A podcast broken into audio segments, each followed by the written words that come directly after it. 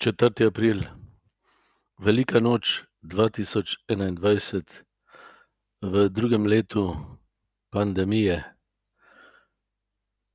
Glej, vse delam novo, pravi Jezus, in točno to tudi dela. Vsem želim veselja, kajti ljubezen Božja je zmagala. Smrt je premagala, se je obrisala pod nosom, zlo je že izgubilo, čeprav ga mi doživljamo kot vladarja tega sveta. Zlo je izgubilo, zlo izgubi, ko zmaga, ljubezen zmaga, ko izgubi. In to danes praznujemo.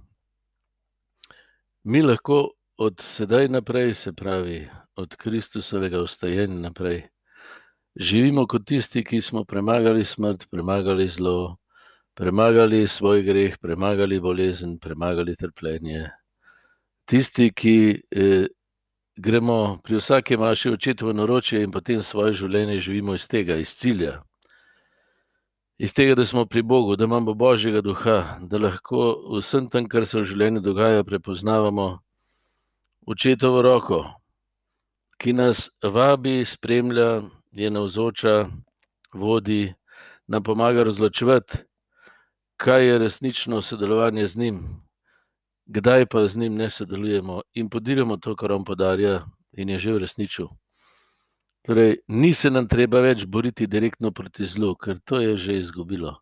Mi se zdaj borimo za to, da ostajamo v ljubezni, da smo v ljubezni, da smo z njim, ki je premagal smrt. To je naše poslanstvo. Ne proti, ampak za. V tem je naša svoboda in dostojanstvo in veselje ljubljenih božjih otrok. To je novost Kristusova. Živimo lahko vse čas pozitivno. Borim se, sem bojevnik za ljubezen, ne proti zlu. Eh, zlo premagam tako, da ljubim, da podarjam to, kar sem, ker mi je bilo podarjeno za to, da bi podaril. In tako uresničil in izpolnil to, kar sem, to Kristus naredi v svojem stajenju ker je bil vse čas očetu zvest, ker je ljubil očeta in zato tudi nas. Uh, življenje ne more izgubiti, enako velja za nas.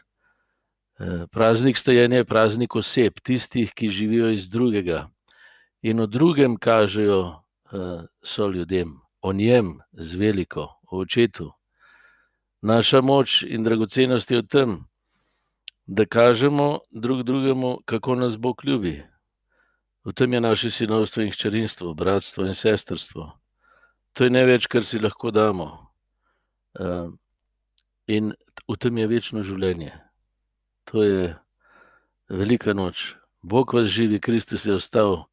Ne bojmo se, ne sebe, ne drugih, ne bolezni, ne smrti, ni česar.